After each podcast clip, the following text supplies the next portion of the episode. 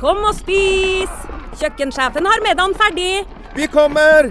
Vi skal bare Åh, det er da så morsomt her på Stiklestad! Ja, men sjøl en god viking må ha både mat og hvile. Og dessuten kan dere nå være noen dager. Velkommen til Scandic Stiklestad. Moderne fasiliteter i historiske omgivelser. Det var her det skjedde. Det er her det skjer.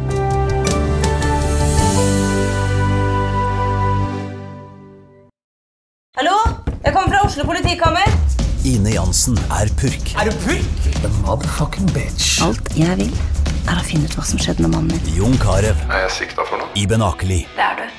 Ole So, Lars Berrum og Big Daddy Karsten. Hvem sin side er du på, egentlig? Anette Hoff, Tone Danielsen, Kommer du fra Afrika? Jørnis Josef, Nesten. Kløfta. Trond Espen Seim, Det er synd å si det, men det var feil mann som døde. Purk.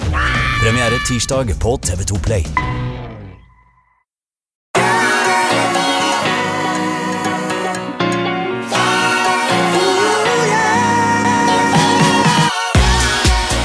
Ny episode av Jernsterk og Ole Petter. I dag skal vi snakke om sosiale relasjoner. Eh, Fordi vi har snakket om eh, mye, og vi er veldig opptatt av helhet. Eh, Og det er jo et stort bilde som påvirker oss. Og det er ikke sånn at det ene er bedre enn det andre, og du skal prioritere bort én ting for en annen ting. Og det er jo det som blir, da blir det fanatisme. Eh, Og sosiale relasjoner det høres jo veldig morsomt og hyggelig ut. Kan ikke du fortelle litt hvorfor du er så opptatt av at vi skal snakke om det i podkasten Hjernesterk? Jo, jeg er jo veldig opptatt av hva er det som, hvilke faktorer i livet vårt er det som påvirker både hvor lenge vi lever, men kanskje enda viktigere hvor bra vi lever og hvor friske vi holder oss mens vi lever. Da. Og det har vi jo vært opptatt av siden tidenes morgen. Hva er det vi kan gjøre for å påvirke hvor lenge og hvor godt vi lever? Og så er det gjort mye forskning på dette de siste tiårene. Og da vet vi at rundt 25% styres av gener. Altså livslengde og hvor frisk du holder deg, hvor bra du har det, det er genene dine. Og de kan vi i eh, relativt liten grad påvirke. De resterende 75% det er jo miljøfaktorer. Altså i bunn og grunn hvordan vi lever livene våre, hvilke valg vi tar i hverdagen. Og Som fastlege så møter jo jeg veldig mange mennesker, spesielt de som begynner å bli godt voksne, som er veldig opptatt av det. Altså, Hva er det jeg kan gjøre for å ha det best mulig, leve lengst mulig, friskest mulig? Og Da vet jo absolutt alle at det å bevege seg, mosjon er viktig. De vet at kosthold er viktig. De fleste vet at søvn er viktig. Men det veldig mange ikke vet, det er jo at den ene enkeltfaktoren i livene våre som i størst grad avgjør både hvor lenge og hvor godt du lever, hvor frisk du holder deg, det er sosiale relasjoner. Det å ha nære bånd til menneskene rundt deg. Om det er en ektefelle, barn, eh, en nabo, kollega, det spiller egentlig ikke så stor rolle. Men dette med sosiale relasjoner er veldig underkommunisert. Altså, det er viktigere enn både kosthold og trening. Vi vet at eh, det å ha et godt sosialt nettverk, det gir flere ekstra leveår enn det å spise sunt og trene. Altså dobbelt så mange friske ekstra leveår. Hvorfor det? Ja, det er sammensatt, og vi klarer ikke helt å gi noen nøyaktige mekanismer, men man har kommet et stykke på vei. En av de tingene som skjer når vi er mindre sosiale enn det vi ønsker altså Det er jo en del som er enslige og kanskje til og med ensomme, men som tar det valget selv. Ønsker å leve for seg sjøl, og, og, og det er én ting. Men rundt 20% av nordmenn er mer ensomme enn det de ønsker. Så de har et lite sosialt nettverk. Og det vi vet da, det er to ting som skjer iallfall. Det ene er jo hjernen. Vi mennesker er flokkdyr, sånn rent evolusjonsmessig. Vi har stort sett alltid opptrådt i flokk på savannen. Det var sånn vi overlevde. øh, Utkonkurrerte fiender, klarte å skaffe oss mat osv. Så, videre. så vi er flokkdyr. Og når du er mer alene enn det du ønsker å være, så starter det en stressrespons i hjernen. Vi skiller bl.a. ut noe som heter kortisol. Vi skiller ut mye adrenalin og noradrenalin. Når man er alene? Ja. Altså, nå, nå mener jeg ikke at hvis du reiser på en helgetur Nei. på hytta for å få litt avbrekk og være aleine, men over tid, hvis du savner å ha mennesker rundt deg, hvis du er mer alene enn det du ønsker, Så kan du bli stressa av det. så skaper det en stressrespons, for det er unaturlig for oss. Eh, Og Da skiller du disse kjemiske stoffene, som bl.a. øker blodtrykk, senker immunforsvaret, kan være med å redusere kapasiteten til nerveceller. som gjør at du både kan få dårligere hverdagsfunksjon med hukommelse, humør, men også øker risikoen ganske betydelig for sykdom. Det øker blodtrykket, det øker kolesterolet, gir dårligere blodsukkerregulering. Så rent fysiologiske ting som endres i kroppen din hvis du er mer ensom enn det du ønsker å være. Så, Men jeg husker jeg var på en sånn Jeg var med på sånn der eh, Det var sånn Ble invitert inn i en sånn gruppe med sånn næringslivsledere og folk som Så sa ja, det kunne vært artig å vært med på. Bare for å treffe litt folk og sånn. Um, for det var et par år siden, og da husker jeg disse næringslivslederne. Det var sånn, Man skulle liksom fortelle litt om sine innerste tanker og hva man skulle gjort om igjen, og folk grein og sto i. og ganske svette greier. Var jo ganske hyggelig òg, men da husker jeg litt sånn som gikk igjen, det var at en del av disse lederne, som jo var vel, relativt vellykte mennesker, ikke sant? tjente bra og sånn, de, de sa at ja, jeg har forsaka, jeg har mista vennene mine på veien, for jeg har jobba for mye. Eh, og det var en sånn sorg. Uh, så sånn sett så Og liksom Det der å prioritere å være sammen med vennene sine, det er altså veldig sunt, det, da. Ja, det er veldig sunt. Og nå har jeg jo nevnt én ting som skjer helt sånn konkret i hjernen hvis man er mer alene enn det man ønsker å være. Denne kroniske stressresponsen som, eh, som det setter i gang. Det andre er jo at vi vet at det å ha nær tilhørighet til menneskene rundt deg, det styrker en del mentale prosesser som i bunn og grunn gjør deg mentalt mer robust. Vi ser det at mennesker som har gode sosiale nettverk, nære venner og bekjente familie de har godt forhold til, de takler stress, altså livets opp- og nedturer, og da spesielt Ja, nedturene. De snakker vel om det, da? Man har noen å snakke med, Ja. eh, og det påvirker mentale prosesser, så vi kan si ganske entydig at de som eh, har gode sosiale relasjoner, de er mer mentalt robuste, tåler stress, altså de vanlige stressmomentene i hverdagen. Mm. Det kan være alt fra utfordringer på jobb til privat til sosialt. Alle disse motbakkene vi møter i livet, alle sammen, de står du mye sterkere mentalt robust til å takle hvis du har gode sosiale relasjoner, et nettverk rundt deg. Men du blir jo stimulert òg av samtalen. Jeg tenker på i forhold til Hvis du har egne problemer og du har gode venner som du snakker med, eh, så er det klart, da får du på en måte tømt deg, som man sier. Eh, Men en annen ting er at du blir jo stimulert også gjennom samtaler med gode venner, som gjør at du kanskje endrer litt holdningen til et problem du måtte ha, eller du utvider horisonten litt, da, tenker jeg. Ja, absolutt. Og så er det en del ting som tyder på at altså, hjernen vår den må stimuleres regelmessig både for å forhindre normalt aldersbetinget forfall, f.eks. For i hukommelse og hjernekapasitet, men det kan også være med på å forebygge sykdom senere i livet. Og du kan jo se for deg Hvis du bor alene, har få venner, så har du ikke så mange kontaktpunkter i hverdagen. Hjernen din blir mye mindre stimulert. Bare ved å gjøre ting med andre, samtaler, aktiviteter, det stimulerer hjernen din. Mm. Og hvis du ikke får den stimuleringen, så er det økt risiko for å utvikle hjernesykdom senere i livet. Og så er det jo et tredje element som er litt viktig, og det er jo det at den støtten du får ved å ha noen nær deg La oss si, Vi kan jo ta et eksempel. Du har eh, en mor og far som er blitt godt voksne, og, og det å ha barn, f.eks., nære venner som bryr seg, det gjør gjerne at man tar litt bedre valg i hverdagen. Man har noen som bryr seg, som passer på at man kommer seg ut. Kanskje tar man de medisinene man skal, sånn som man skal. Mm. Er man overlatt til seg selv, så er det ikke alltid lett å ta de gode valgene. Barn, venner, bekjente som prøver å hjelpe deg til å slutte å røyke, f.eks. Så det er en del sånne Man tar bedre livsstilsvalg, gjerne, hvis man har noen nære og kjære rundt seg som bryr seg. Jeg kjenner litt på meg selv òg, fordi at eh, etter at man fikk barn eh, Og jeg jobber jo relativt mye i perioder. Sånn som for eksempel nå. Eh, Når det har vært Tour de France, så har jeg det, ikke sant? og så er det den andre jobben. Og så blir det jo fort at man ikke får møtt vennene sine. Og jeg må jo innrømme at jeg savner det litt, for det er noe når du sitter ned sammen med vennene dine, så blir det jo en litt annen prat.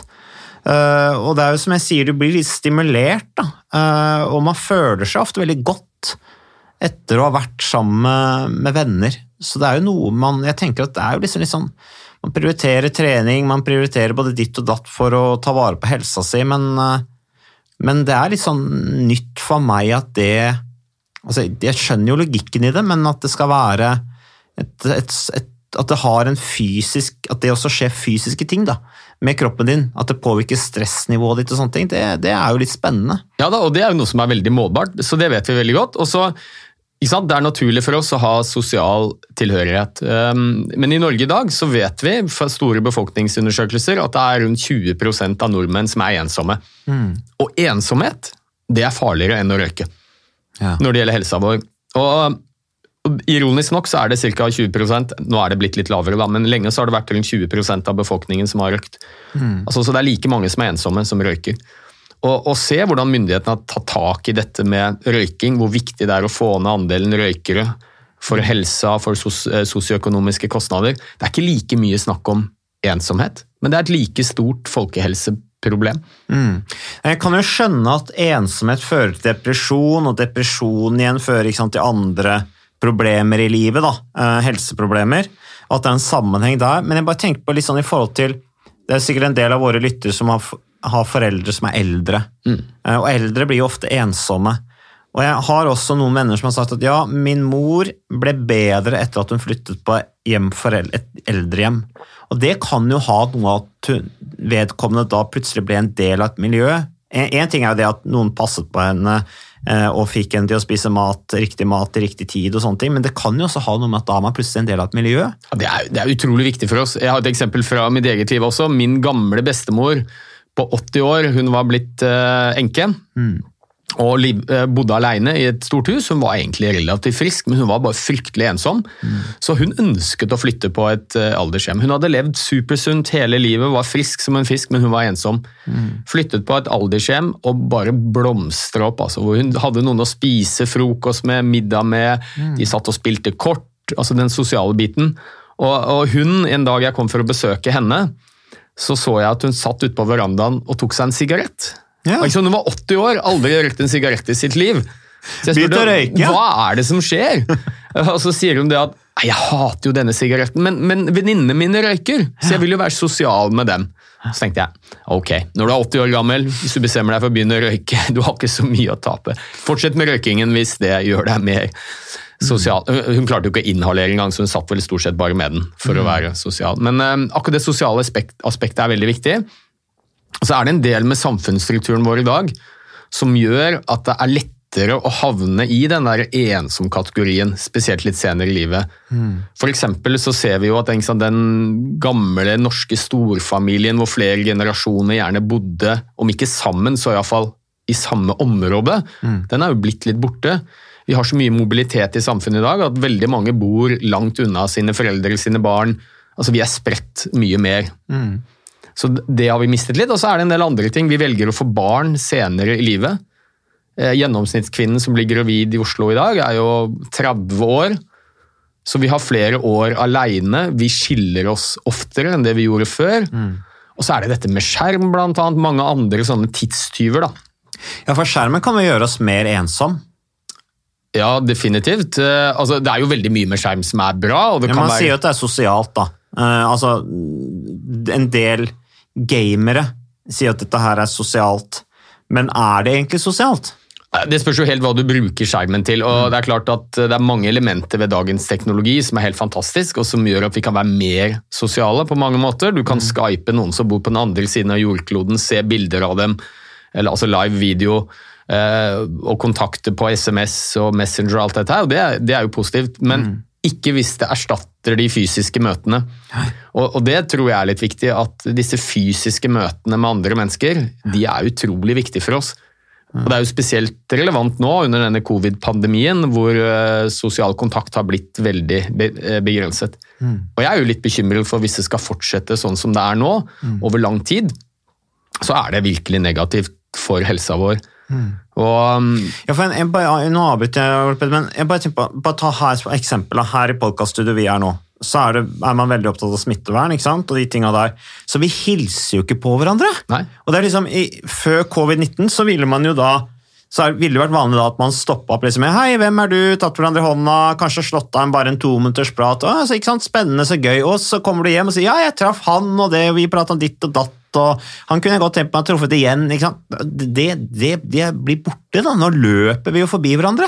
Ja, ja, ja. Og, og i arbeidshverdagen vår så sitter vi stort sett på hjemmekontor, og så har vi Zoom-møter og Teams-møter og sånn, og, det- og det funker greit, selvfølgelig, i en periode.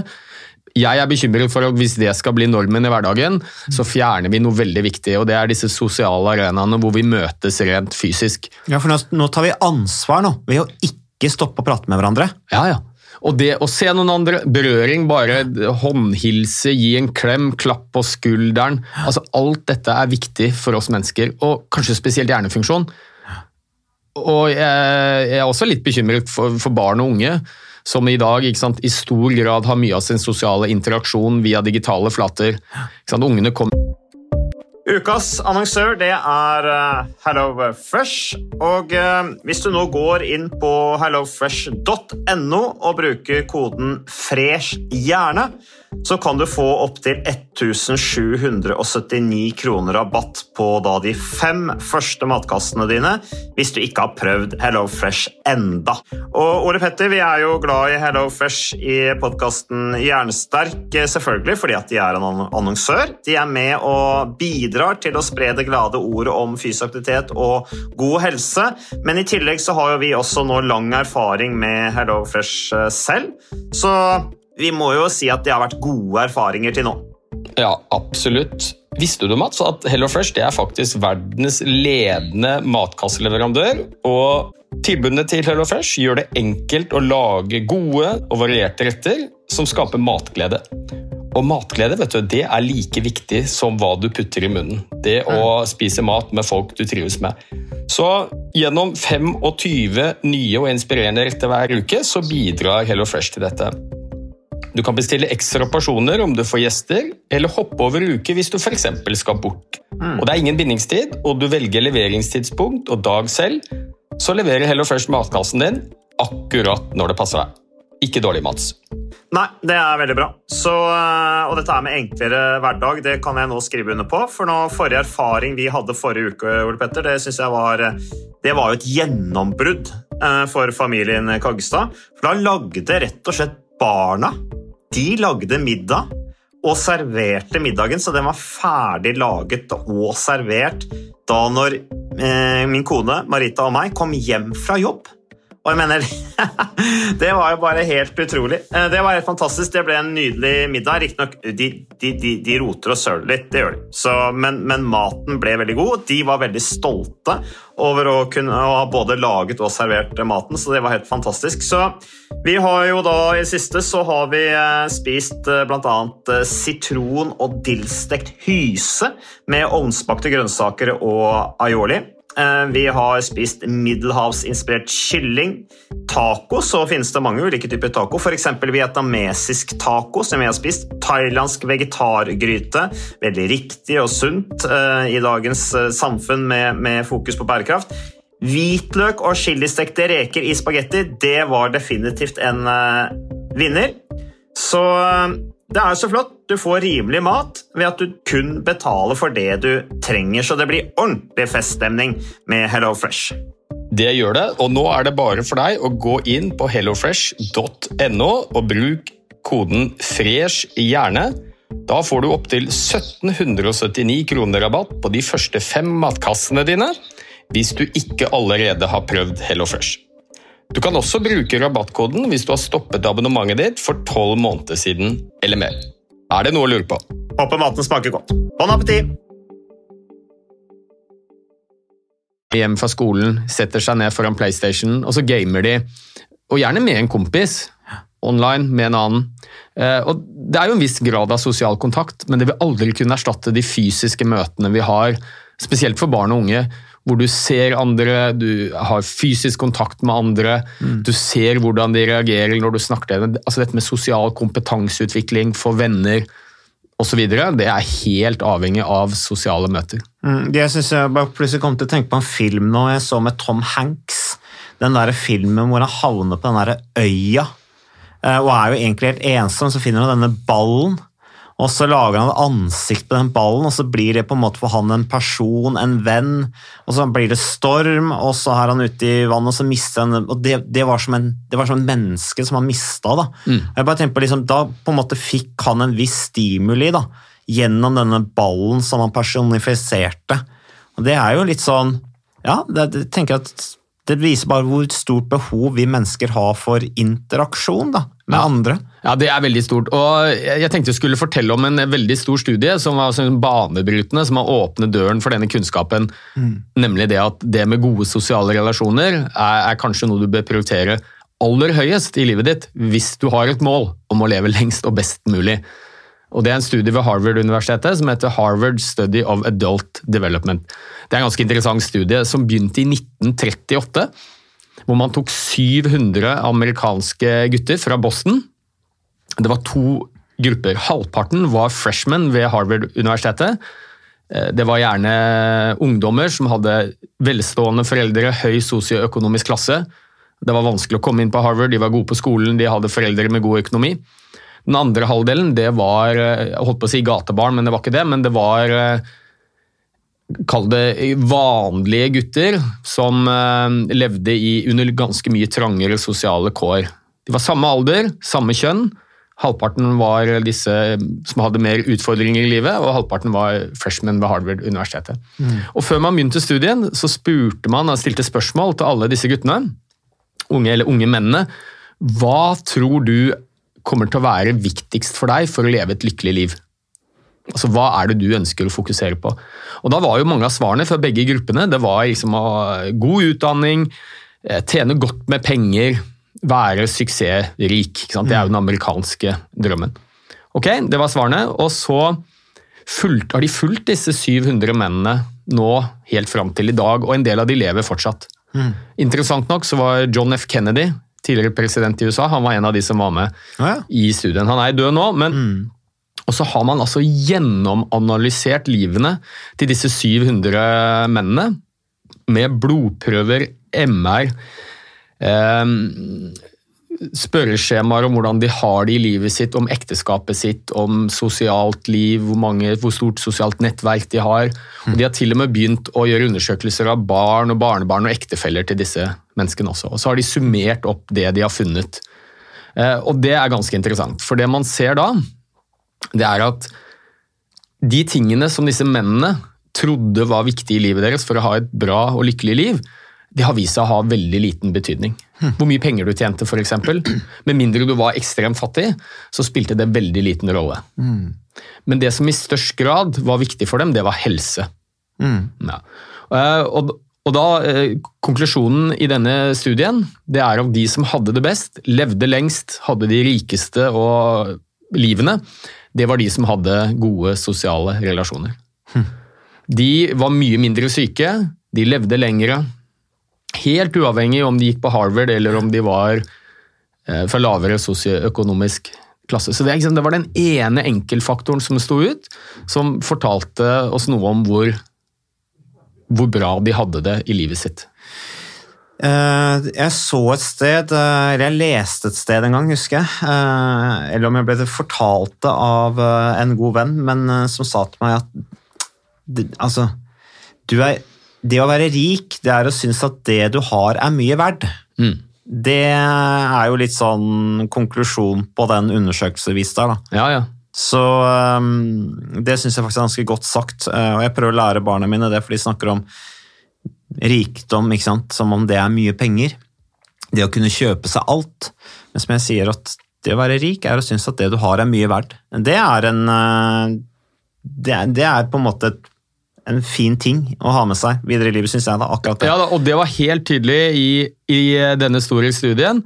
Eh, om du var suksessrik målt for forskjellige parametere, hvor mye du var i media, hvor mye penger du tjente. Suksess kan jo gjøre deg ensom òg. Ja da, Det viste seg å ha Ofte mange ledere som er forsvinnende- ensomme òg. ja, hadde forsvinnende liten effekt på hvor bra de hadde det, hvor friske de holdt seg, hvor lenge de levde. Så Det var, sant, det var fire hovedkonklusjoner fra, fra denne studien. og Det ene er at sosiale relasjoner er ekstremt viktig for helsa vår. De av deltakerne som var sterkt knyttet til familie, ektefelle, venner, de var lykkeligst, og de fikk flest, flest friske leveår.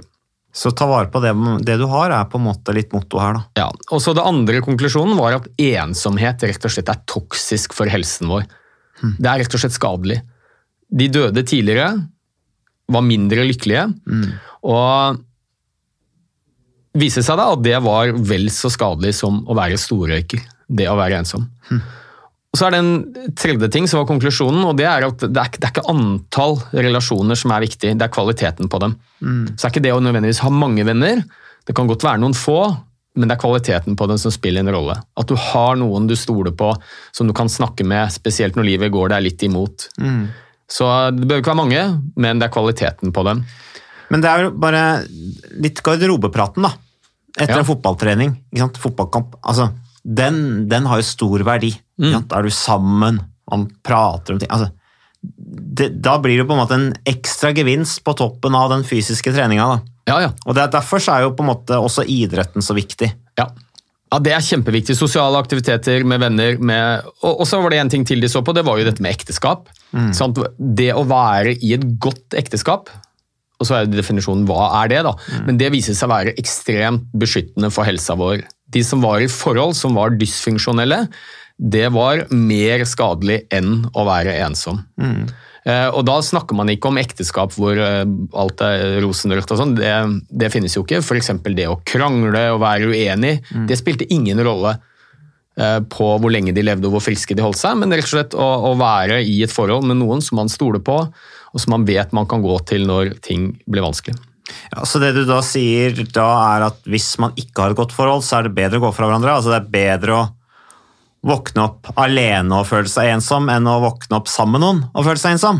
Ja, og sant, Her er det jo mange ting man må ta hensyn til i et forhold, barn osv., mm. Og så videre, men sånn rent isolert, ja, det er mye mer skadelig for helsa vår å være i et dysfunksjonelt forhold over tid enn det er å være aleine. Men det aller beste er selvfølgelig å være i et trygt og solid forhold. Happy wife, happy life. Det er et veldig godt motto. Det, det prøver vi å leve etter. Og så var det den siste, da, og det er at gode sosiale relasjoner Vi har visst ganske lenge at det påvirker kroppen vår. Det reduserer blodtrykket, det gjør noe med en del av disse fysiologiske parameterne som beskytter oss mot hjerteinfarkt, mot kreft osv. Men det å være i gode, solide relasjoner og ha det, det beskyttet også hjernen vår. Altså Halvparten så sannsynlig at du utviklet Alzheimers demens hvis du hadde et godt sosialt nettverk. Så det er liksom mitt ho hovedmantra da, at hvis du virkelig skal gjøre det du kan for å ha det best mulig lengst mulig, så må vi ikke undervurdere sosiale relasjoner. Nei, og det er det lett å glemme. Det- I jakten på å gjøre alt riktig og ha suksess her i livet. Ja, det er jo gjerne sånn at når livene våre blir tettpakket med ting, så familie og jobb osv., så, videre, så er det ofte sosiale relasjoner, og kanskje søvn også, som får lide. Mm. Så det, det er utrolig viktig. Og, og så er det noen litt sånn urovekkende tegn også blant unge mennesker. Vi har noe som heter Ungdata-undersøkelsen, som gjøres relativt hyppig i Norge, hvor man tar liksom temperaturen på hvordan unge mennesker har det i Norge. De får en haug med spørsmål. Ikke sant? Hvordan går det på skolen? Har du gode venner? Blir du mobbet? Alkoholbruk, rusmiddelmisbruk, kriminalitet, hvor mye de sover, skjermtid, ensomhet osv. Nå for første gang så, så var det faktisk inntil 15% av ungdommen som sa det at i løpet av den siste uken hadde følt seg ensomme.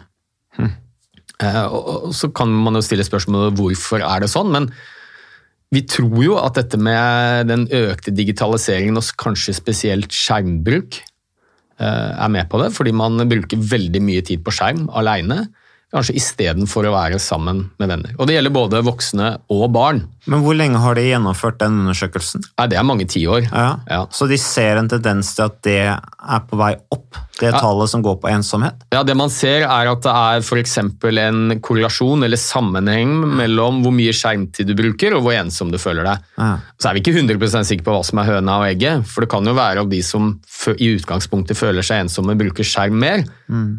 Like så godt som motsatt. Men det er en del ting som tyder på at eh, jo mer skjerm du bruker, og kanskje spesielt hvor mye tid du bruker på sosiale medier, ironisk nok er med på å gjøre deg mer ensom. I forbindelse med fysisk aktivitet så, eh, så husker jeg tilbake fra liksom noe fineste fra tiden jeg var hardtsatsende hardtsatsen syklist da, eh, og proffsyklist nede i Frankrike. Det var alle, alle sykkelturene jeg hadde med, med bl.a. Tor Hushovd. For da, da var det jo bare oss to ute, og vi skulle være ute i la oss si seks-sju timer. da. Uh, og det kunne jo gjerne være litt sånn at det var litt tungt å finne å prate om uh, i starten, og sånn, men så var det ofte dette med fysikaliteten og omgivelsene, sånn, det, det stimulerte praten. Og det ble ofte sånn at man pratet om ting man altså Vi hadde jo ikke noe agenda hva vi skulle prate om. Vi måtte jo bare prate om løst og fast.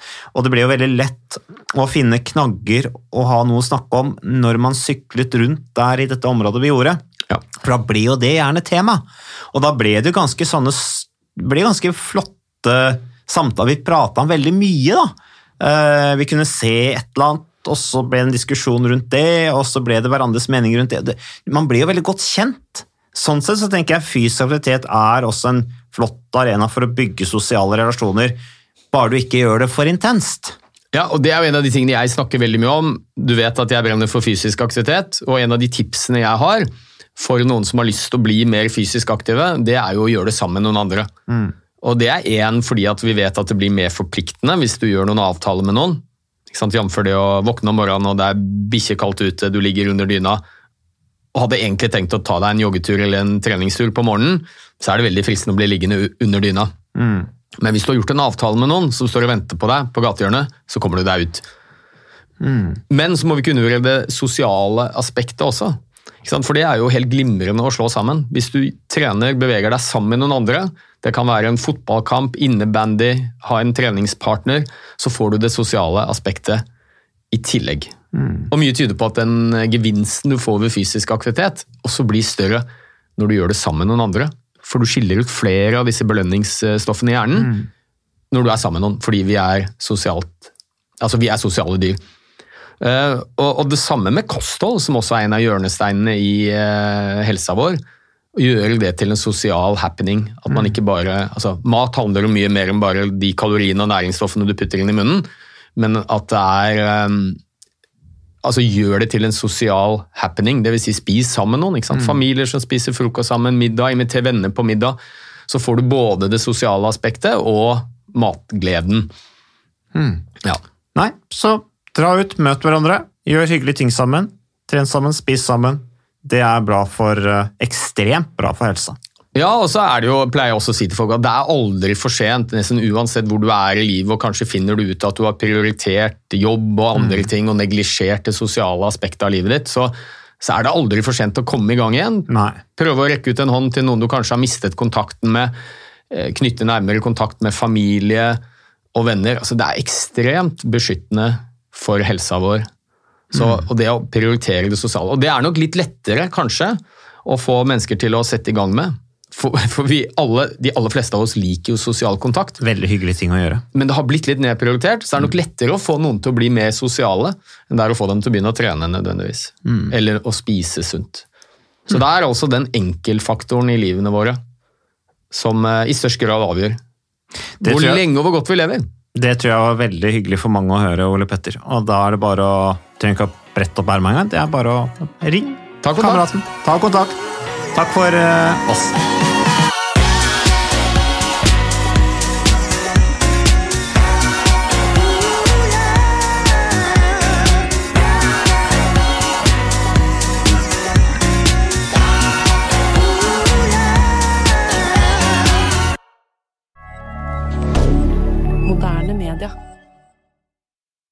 Har du et enkeltpersonforetak eller en liten bedrift?